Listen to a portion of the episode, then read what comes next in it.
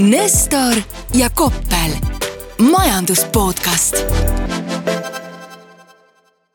tere taas kuulama SEB majandus podcasti Nestor ja Koppel. mina olen Koppel, minuga on Nestor täna meil on päris mitu huvitavat teemat, sellepärast et äh, majanduses ja turgudel kipub ikkagi üht-teist toimuma ja mis seal salata, me tahame rääkida Eesti majanduslangusest, mis oli ooda-, oodatust sü sügavam ja me tahame rääkida inflatsioonist, mis on oodatust kõrgem. me tahame rääkida intressimääradest, mis püsivad kõrgemal ja kauemal, aga nüüd ma lõpetan jauramise ära ja annan Mihklile sõnajärje üle. no minul on nagu, ma tahan ikka kõige nagu raskematest teemadest aluseks rääkida, et äh, mul on siin olnud äh, ikkagi väga keeruline viimane pool aastat aasta, et äh, kõigepealt abikaasa, nüüd sina, et äh, miks sa mind maha jätad, et äh, leidsid ka tennisetreeneri endale või? ei, ma ei ole endale tennisetreenerit leidnud, ma selliste elitaarsete spordialadega nagu tennis ja golf ei tule väga hästi toime. aga ma ütlen ausalt, ma väsisin lihtsalt veidikene ära, nüüd ma võtaks natukene puhkaks ja siis ma võtaks, teeks midagi muud natukene. seda, kas meie selline mm, sõbralik verbaalne tennis, kui sa lubad sellist väljendit kasutada. edasi kestab, noh, see selgub tulevikus. no proovime selle nagu hooldusõiguse küsimuses nagu ikkagi kompromissi saavutada, et eh, esialgu jääme ühiselt seda podcast'i kasvatama. aga noh, ma ütlen, et täna meil neid teemasid on nii palju, et jõuaks ilmselt poolteist tundi ka täis rääkida, aga et.... ärme seda tee. no me proovime mitte jah, aga et kuna noh, see tänane päev, kui me seda salvestame, on siin kuues märts ja eile oli siis demokraatia pidupäev siis ähm, ei saa nagu kuidagi üle ega ümber sellest ka, et peaks nagu natuke sellest valimistest rääkima ja me siin äh, kindlasti suudame väga mahlaselt äh, kogu seda teemat arutada väga pikalt, aga et keskenduks korraks sellele nagu majanduslikule poolele, et äh, mis siis saama hakkab sa küsid seda minu käest, mis saama hakkab? mul on ka mõtted, aga ma küsin sinu käest kõigepealt enne. ei no selles mõttes, et mina olen muidugi natukene, natukene mures, sellepärast et äh, mulle meeldib fiskaaldistsipliin. no muidugi sa oled mures, sa ei saanud nüüd selleks äh, EKRE rahandusministri kohta jääb sul ära, aga. ja sellist, see oli halb nali, aga ma olen mures, ma olen lihtsalt mures sellepärast, et mulle meeldib teatavasti fiskaaldistsipliin, nii, siis mulle meeldib turumajandus. Siis mulle meeldib võib-olla selline klassikaliselt liberaalne lähenemine majandusele, võib-olla maksimaalse siis nii-öelda vabadusega, mis üldse olla saab siis nii-öelda ettevõtluse, majanduse kui üksikisiku kontekstis. mulle see kõik ilmsemal kombel meeldib ja ma seda distsiplineerituse ja klassikalise liberalismi äh, majanduse maailmavaatelist osa praeguses kontekstis järgneval neljal aastal realiseerumas ei näe no kuule, kuidas nüüd on, võitsid meile ikkagi ju tõelised liberaalid ma ei ole seda nii-öelda tõsist usku. Müürileht ütleks, et neoliberaalid lausa. ma ei ole seda tõsist usku turgu, turumajandusse ja kapitalismi ja viimasel ajal äh, nende liberaalsemate justkui maailmavaatel liberaalsemate parteide kontekstis nagu väga just eriti tajunud. et see kõik on olnud selline noh, viiskümmend roosa varjut, viiskümmend erinevat roosa varjundit minu jaoks ma muidugi nagu praktilise poole pealt äh, sirvisin veel hommikul need äh, programmid üle ja üks asi, mis mulle tundub, et on nagu päris kindel, et äh, meil muutub jälle järjekordselt tulumaksusüsteem, et see kurikuulus Eesti maksuküür ilmselt kaob. tuleb meile taas äh, ühetaoline tulumaks aga et noh, võib-olla ka kuna siin noh, mitte võib-olla niivõrd Reformierakond, aga, aga tema potentsiaalsed äh, koalitsioonipartnerid siis on rääkinud ikka ka sellest, et madalapalgaliste inimeste elu Eestis ei ole meelakkumine. et ilmselt meid ootab ees siis äh, selline suhteliselt kõrge maksuvaba miinimum, aga ühetaoline tulumaks. no see, et tulumaks ühetaoliseks jääb, on vähemalt hea. ja aga kas, äh, kui ma nüüd mõtlen kogu selle poole peale, et meil siin ikkagi äh, rahva isu sinna avalike teenuste järgi kasvab kogu aeg, meil on riigikaitseliselt noh, aeg, kus võiks nagu sinna raha toppida, et ma arvan, et saab olema nagu päris põnev, et kuidas seda nagu võrrandit siis seal omavahel niimoodi balanssi loksutatakse. no vaevalt, et keegi väga vastu on sellele, et riigikaitsesse tuleb korralikult raha lükata, aga noh, mis seal salata, Eesti Vabariigi kõige mm, nii-öelda väärtuslikum loodusressurss on võlavõtmise võime või madal SKT ja võlakoormuse suhe ja mis loomulikult tähendab seda, et seda loodusressurssi ilmselt järgneva nelja aasta jooksul võetakse julgelt kasutusele ja äh, lükatakse seda, seda raha just nendesse valdkondadesse, mida sa mainisid. no jällegi noh, ma arvan, et kuna noh, et see kogu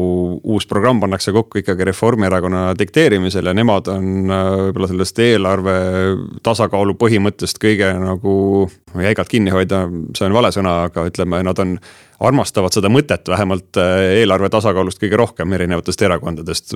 minu sihukesel väga subjektiivsel hinnangul, et äh, nagu selles plaanis ma usun, et äh, väga hulluks nagu ka ei lähe äkki no siin muidugi mulle meenub sellest, et see selline asi, et kui me hakkasime, hakkasin maailmast aru saama ja võib-olla uudiseid kuulasin natukene rohkem, siis oli selline huvitav saade vist Vikerraadios nagu Maailm täna.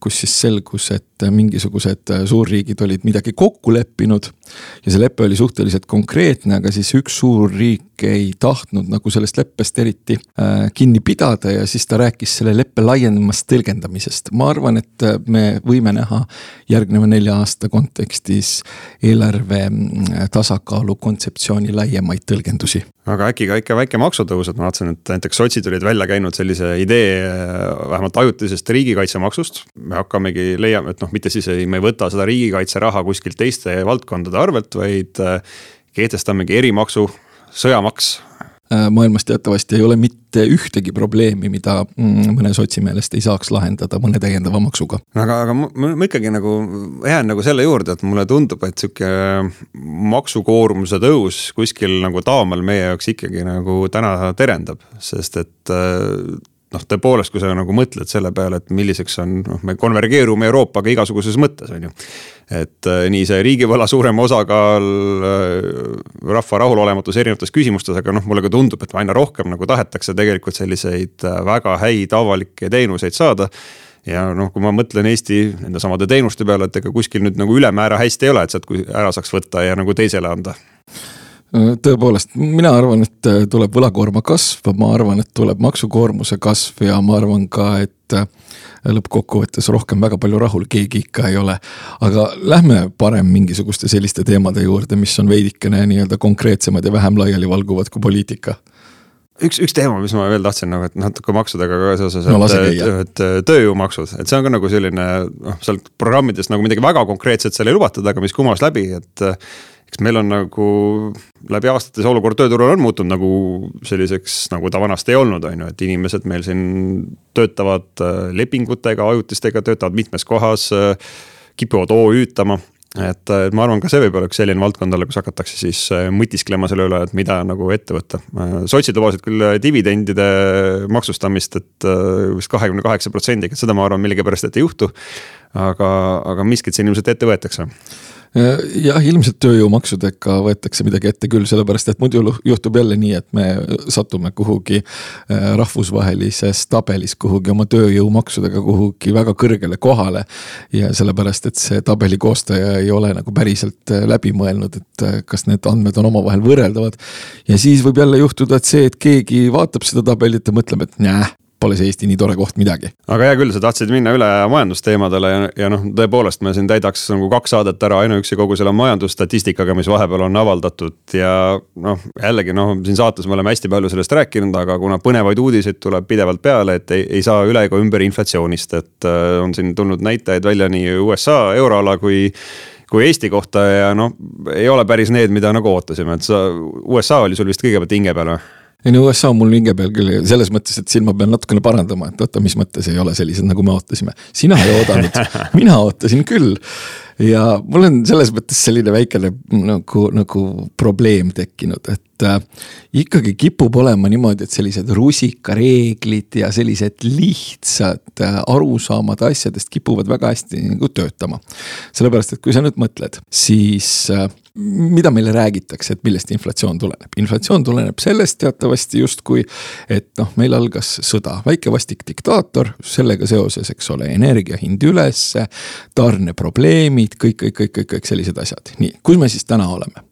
me oleme täna jõudnud sellisesse kohta, kus meil on põhimõtteliselt äh, tulnud nii-öelda energia hind noh, vähemalt globaalselt nafta kontekstis, nii Brent kui VTI on tulnud tagasi eelmise aasta veebruari. meil on nisu mais tagasi eelmise aasta veebruaris. alumiinium on tagasi eelmise aasta veebruaris. transpordi hind ehk Baltic Dry Index on tagasi eelmise aasta veebruaris. ehk siis nagu kogu see asi on justkui lännu aga inflatsioon on ikka hull. euroala alu. kohe, kohe aeglustub ja kohe, ja no vaata, vaata, kuidagi kaua räägitakse sellest, et kohe-kohe aeglustub. kuidas see keskpankade narratiiv oli alguses, et inflatsiooni ei tule, siis öeldi, et tuleb, aga tuleb väike, siis tuli suurem, siis öeldi, et jah, aga see on ajutine. ja siis öeldi, et äh, noh, nüüd põhimõtteliselt peame vaatama, kuidas me sellega toime tuleme. ehk siis see narratiiv sellest, kuidas sõda tingis inflatsiooni on tegelikult ära kadunud, sellepärast et need inflatsiooni äh, justkui ülespoole tõukuva, tõukavad komponendid ei ole teps mitte. Ei ole teps mitte enam sellistel hinnatasemel, vastupidi, nad on alla tulnud, nii, see on üks aspekt. teine aspekt on see, miks ma ütlesin, et sellised lihtsad reeglid võtavad, kipuvad endast jälle märku andma, no kangesti tekib tahtmine võtta, saata inimesed Youtube'i lasta sinna panna otsingusse Milton Friedman ja vaadata, mida onu Milton räägib inflatsioonist onu Milton ei ole absoluutselt populaarne. noh, aga millal tõerääkijad enne on olnud populaarsed? Äh, vist vanasti noh, üks vist löödi risti kaks tuhat aastat tagasi ja ega ülejäänutel ei ole ka eriti nagu hästi läinud peale seda. et vaadake, mida onu Milton räägib. onu Milton räägib, et inflatsioon kipub olema ikkagi väga tihti, et mitte öelda enamasti, monetaarne kontseptsioon. ehk siis liiga palju raha ajab taga liiga vähe teenuseid ja tooteid.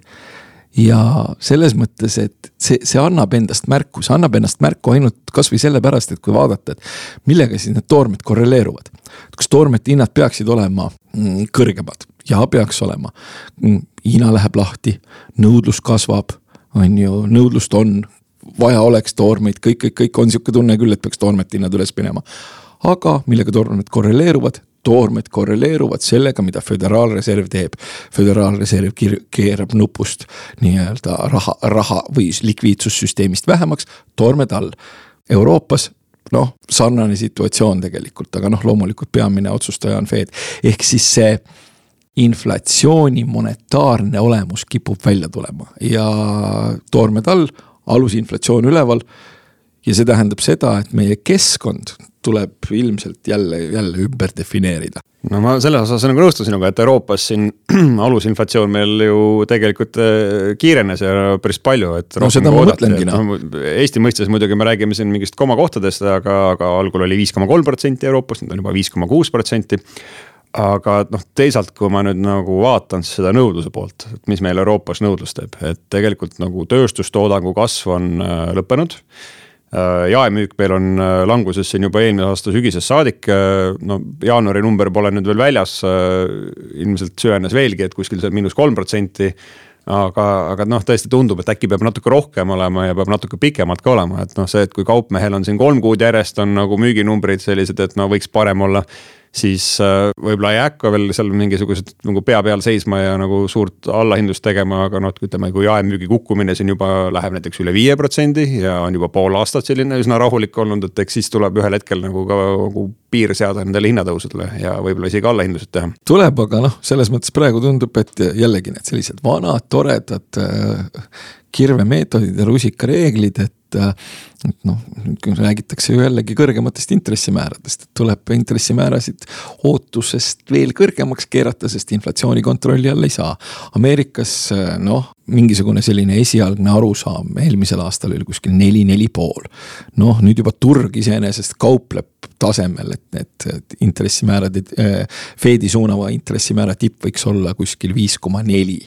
no vahetevahel tulevad päris tõsiseltvõetavad ja ajalooliselt päris hea track'iga rääkivad pead telekasse, ütlevad, et kuus või seitse, noh. ja see tähendab ka seda, et noh, minu meelest kohalikud kodulaenuvõtjad andke mulle andeks, aga sellise tasapisi peaks ikkagi arvestama hakkama juba sellise viieprotsendise Euriboriga, vähemalt mitte sellepärast, et see nüüd kindlasti tuleb, vaid sellega tuleks arvestada. Ja see tähendab ka seda, et ka kohalik kinnisvaraturg peaks arvestama äh, sellise viieprotsendise Euriboriga. Ja see, kallid sõbrad, on juba oi-oi selle, selle intressimäärani me kohe tuleme, aga mulle saadeti tegelikult juba anekdootlikke tõendeid selle kohta, et äh, hinnad on hakanud langema. et üks äh, juhtiv äh, kodumaine rattapood siis saatis oma klientidele uudiskirja, kus teatas, et nende jalgrataste hinnad on püsivalt langenud. et ootame siis selliseid sõnumeid ka kõigist teistest eluvaldkondadest, aga, aga kui rääkida jah, sellest Euriborist, siis. noh, ma, sina jälgid võib-olla nagu neid turuliikumisi palju sagedasemalt, kui mina seda teen, aga kas ma eksin, et mul, mul jäi nagu mulje, et viimane nagu inflatsiooniteade otseselt nagu ootuseid Euriborile isegi ei, ei, ei tõstnud, et praegu ka, et siin äh, tulevikutehingud, et see detsembris seal see kolme kuu Euribor kauples seal kuskil nelja protsendi piirimail. Äh, jah, tõepoolest, aga noh, kui vaadata seda näiteks, et mida ütleme, mingisugused sellised äh, riigivõlgade tootlused kipuvad tegema, siis need küll ikkagi annavad jällegi selgelt märku, et äh, midagi on, midagi on nii-öelda pinna all pulbitsemas ja ikkagi need riigivõla tootlused kipuvad, kipuvad jällegi tõusma. ja ütleme ka selline noh, mis meiegi siin rääkinud oleme ja mis, mida, mida mina olen siin ka üritanud äh, hirmsamal kombel seletada, et, et võlakirjad on nagu tagasi, siis need võlakirjad kahjuks on äh, volatiilsed, jah, kui ikkagi täna võlakirja osta, siis kohati sealt see teenitav tootlus on noh, pehmelt öeldes peaaegu okei. Okay,, aga see inflatsiooni siis nii-öelda mure ja see inflatsiooni ootuse pidev muutumine, see kajastub võib-olla, see skisofreeniline olukord võib-olla kajastub rohkem isegi äh, riigi võlakirjade tootluses, kui nüüd ütleme siin äh, tuleviku äh, Euroopa Keskpanga suuna, suunava intressimäära tulevikutehingutes. aga no ma julgen olla nagu üsna selline äh, kindel selles, et kui me nagu päriselt peaksime nägema viieprotsendist Euribori et siis me jõuame ikkagi nagu päris ruttu tagasi ka väga madala Euribori määrani, et äh, see lööb küll siin äh, mõnes riigis äh, hinge kinni, kas siis nii valitsusel või siis teist, teistes riikides majapidamistel ja ettevõtetel. ei tea midagi selles mõttes, et kui sul on inflatsioon ikka mingi kaheksa, üheksa ja sul on Euribor viis, siis noh, võib-olla elad ikka ära. aga nõudlus läheb alla, nõudlus läheb alla. no aga... läheb loomulikult alla, sellepärast kui sul on kodulaenu vaja maksta ja isegi reanimatsiooninuudliteks raha ei jää praegune häda vist selles ka, et äh, see noh, Eestis on see nagu mingi kauge mälestus, see koroonapandeemia, aga Euroopas nagu ei taha mitte kuidagi siis äh, lõppeda see väga suur hoogne teenuste tarbimine. et seal, kus need piirangud olid rängemad ja kestsid kauemalt, et seal on ikka inimestes kogunenud tõeline vimm, et ei saanud aastaid korralikult väljas käia ja nüüd nagu ainult tarbitakse teenuseid teenuste tarbimine on selline tööjõumahukas tegevus, tähendab, et palju inimesi on vaja, konkurents töötajate pärast, tuleb veel palkasid tõsta ja see nagu kõik sellele omakorda nagu hoogu annab. ja, ja no mis on veel võib-olla nagu selline asi, mille peale ma olen mõelnud, on see, et kas see koroonapandeemiaga nagu tõstiski siis äh, nagu jäädavalt meie nõudlust teenuste järele, et äh, me teame ju, et päris paljud nagu siuksed uued teenusvaldkonnad said just nagu tuule alla täpselt selle koroonapandeemia ajal, et kui pidid toitu koju tellima, sest et kõik restoranid olid kinni, aga noh, ma tellin ikkagi endiselt toitu koju edasi, hoolimata sellest, et ma võin ka restorani minna ja ma teen mõlemat. Tead, ma tunnistan äh, üles, et mina vist ei taha enam toitu koju tellida, sellepärast et sellega on alati mingisugune jama või see on leige. käisin mina eile Aasia kohas kalamajas, ei nime ei nimeta, sellepärast et see oleks reklaam.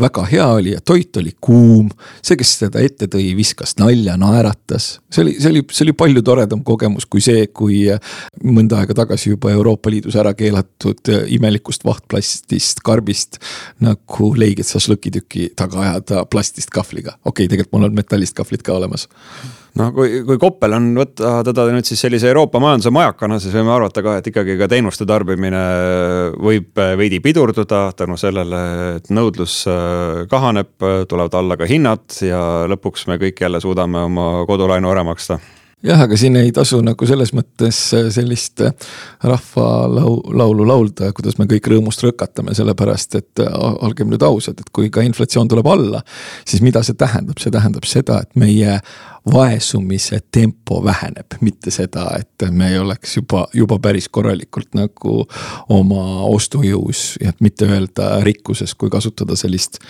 nii-öelda tava argiväljendit, et mitte, et me ei oleks oma rikkuses nagu pidanud nagu tunduvalt järele andma, oleme küll nojah, kui sa sellest vaesumisest hakkasid rääkima, et siis äh, lülitaks ennast ümber Eesti teemade peale. et äh, täna meil tuli välja siis äh, viimane statistika Eesti keskmise palga kohta.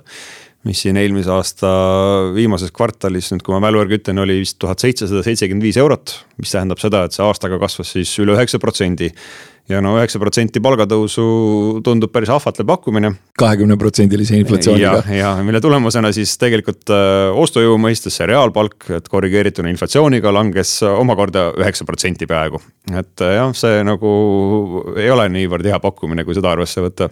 oota, aga kas see meie keskmine palk ikkagi nagu selline sea ja käo aritmeetiline keskmine ei ole, et kas sa mäletad, mis see mediaan. sinu ja minu palga keskmine ma kahtlustan, et see, see ei oleks üldse nii huvitav number, aga kas sa, ja teine küsimus, kumb siga on? okei okay,, ma võin olla, aga mis see mediaanpalk muidu on, et on sul meeles, et mis, me räägime päris keskmisest palgast ka. see mediaanpalgaga seda minu meelest selle avaldamisega meil on tekkinud mingisugune kerge error, et kunagi seda maksuamet väga varmalt avaldas, siis statistikaamet tahtis monopoli üle võtta ja siis ma ei saa seda kusagilt enam, aga no ma niimoodi lambist ütleks sulle, et kui oli siis keskmine brutopalk oli seal ligi tuhat kaheksasada, siis no ütleme, mediaanpalk võis olla siis ligi tuhat viissada.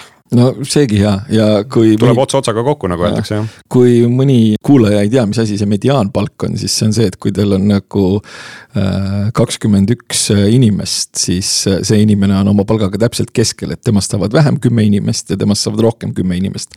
ja see on selgelt parem näitaja nagu või ütleme, selline indikaator selleks, mis päriselt toimub, kui siis see sea ja geoaritmeetiline keskmine aga see, ütleme, reaalpalga suur langus, et see asetab ka, ma arvan, nagu päris heasse konteksti selle šokeeriva uudise meid, mis meid siis siin tabas, et Eesti majandus langes eelmise aasta lõpus üle nelja protsendi. et tegemist nagu täiesti pretsedenditult sügava majanduslangusega. toon siin nagu võrdluse, et äh, seesama koroona kevad on ju teine kvartal, et kõik oli kinni, mitte midagi ei toimunud. Äh, me võib-olla Koppeliga ainult kodus Netflix isime selle asemel, et tööd teha ja selle tulemusena siis toona nagu oli majanduslangus äh, viis koma seitse protsenti, kui ma nüüd ei eksi, eks. ja, ja nüüd miinus neli protsenti, kuigi nagu väliselt justkui tundus, et kõik nagu toimis ja oli normaalne no tead, mina ei Netflix inud eriti, ma arvan, et ma ei ole nii palju. salga, sa sööd ja salgad. ma sõin ma küll liiga palju, sellega ma olen äh, äh, nõu, täitsa nõus, aga mina käisin ikkagi koroona ajal äh, kontoris, sellepärast et meil olid meetmed ja ma arvan, et ma ei ole nii palju tööd päris tükk aega teinud, aga õhtul kodus Netflix isin küll, aga siin on jällegi vot see, see aspekt. et kui see number tuli, see miinus neli on ju, siis minu postkasti hakkasid ka tulema siuksed huvitavad email'id sisuliselt küsimusega, et kas see on lõpp. noh, minu meelest see ei ole lõpp, sellepärast et äh, kui sul on ligi sihukese kahekümne protsendilise inflatsiooni juures äh, nihuke neljaprotsendiline majanduslangus kvartaalselt. siis ma ütlen ausalt, et minu meelest siin nagu ei ole väga palju draamat. Äh, ma ikkagi üritaks vaadata, et et, et, et noh, kuidas inimestel nagu päriselt läheb. Äh, milline see tööturu olukord on ja, ja, ja noh, kuidas, kuidas üldse õues õhku nuusutada on, et kas on kõrbeluhna tunda või mitte. et ja, ja tunnistan, et väga ei ole. ja noh, mõtlesin, et võib-olla ma olen oma sellises arusaamas selles kontekstis natukene naiivne, aga vähemalt ühe konkureeriva institutsiooni väga tähtis ülemus rääkis televiisoris peaaegu sõna-sõnalt seda juttu, mida mina mõtlesin. nii et äh, ma isegi ei ole üksi oma mõtetega. telepaatia on selle nimi aga ega mina noh, ma olen täitsa nõus sinuga, et meil oli ju tegelikult, kui me vaatame nominaalset majanduskasvu, ehk siis ilma seda mingisugust äh, täiesti tühist inflatsiooni arvesse võtmata, siis äh, oli meil pluss kaksteist protsenti siin viimane kvartal ja, ja no jällegi noh, ma ütlen, et kui ma olen pidanud seda tänamatut tööd tegema päris pikalt siin juba, et prognoosima Eesti majandust ja, ja nagu ajalugu näitab, et äh, need kõige esimesed hinnangud, mis meil siis tavaliselt tulevad selle skp kohta välja, need kipuvad olema tavaliselt äh, äh, nii-öelda alahinnatud, ehk siis tegelikkuses see skp näit päeva lõpuks, kui need majandusaasta aruanded ka ära esitatakse ja statistikaamet sinna kallale saab, et tuleb välja, et tegelik olukord oli natuke parem sest et noh, kui ma vaatan nagu meie lähiregiooni, siis äh, jaa, et ma olen nõus, et tõenäoliselt Eesti majanduslangus oligi Euroopas kõige sügavam aasta lõpus, kuna meil oli kõige suurem äh, inflatsioon siin, suured probleemid juba tööstussektoris. Aga noh, sellele vaatamata, et kui nagu ümberringi on nagu regioon sihuke noh, sisuliselt nullis, mujal on plussis ja meie saame nagu miinus neli, et no me päris Põhja-Korea ei ole, et me ikka päris hästi peaks korreleeruma selle oma regiooniga. ehk siis ma tegelikult usun, et see see näit tuleb päeva lõpuks natuke parem, aga noh, see on sihuke minu ja Eesti kolme ülejäänud majandusanalüütiku nagu huviala pigem siis. jah, ja siin ei tasu absoluutselt unustada seda, et tuleb meenutada ka meie majanduse kontekstis. Neid huvitavaid lauseid, mida autopiloodile suudavad nii poliitikud, eksperdid kui ajakirjanikud alati esitada, et see on see äh, väike ja dünaamiline majandus. või siis nagu ütleks äh, mingisugune sõbralik Rootsi futuurikaupleja, very, very volatile kaunis, aga, ma korraks räägin ka sellest, et on ju, mis selle majanduslanguse taga oli, et siis äh, vaata see valdkond on nagu see pigem, mis mind teeb äh, murelikuks, on see, et mitte et see, et meil kuskil minevikus oli miinus neli, vaid et mis meil ikka nagu sellel aastal ees ootab.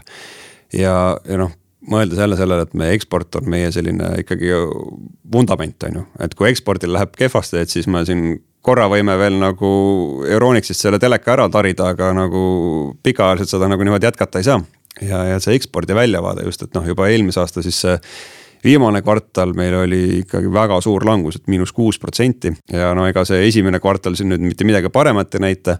ja, ja noh, mõeldes nendele samadele teemadele, mida me siin ilmselt mitu korda oleme rääkinud, et see Põhjamaade kinnisvara ja ehitusturg, pikaajalised kõrged intressimäärad see muudab meie selle eksportiva tööstuse situatsiooni väga keeruliseks äh, väga pika aja vältel. ja noh, minu selline pidev nagu optimisti lootus on rajatud, on siis sellele, et äh, nagu ekspordi langus, äh, madalseis saab olema lühiajaline. meil teisel poolaastal Euroopas majanduskasv taastub ja siis taaskord saabub õnn meie õuele või minna jälle minna telekat ostma.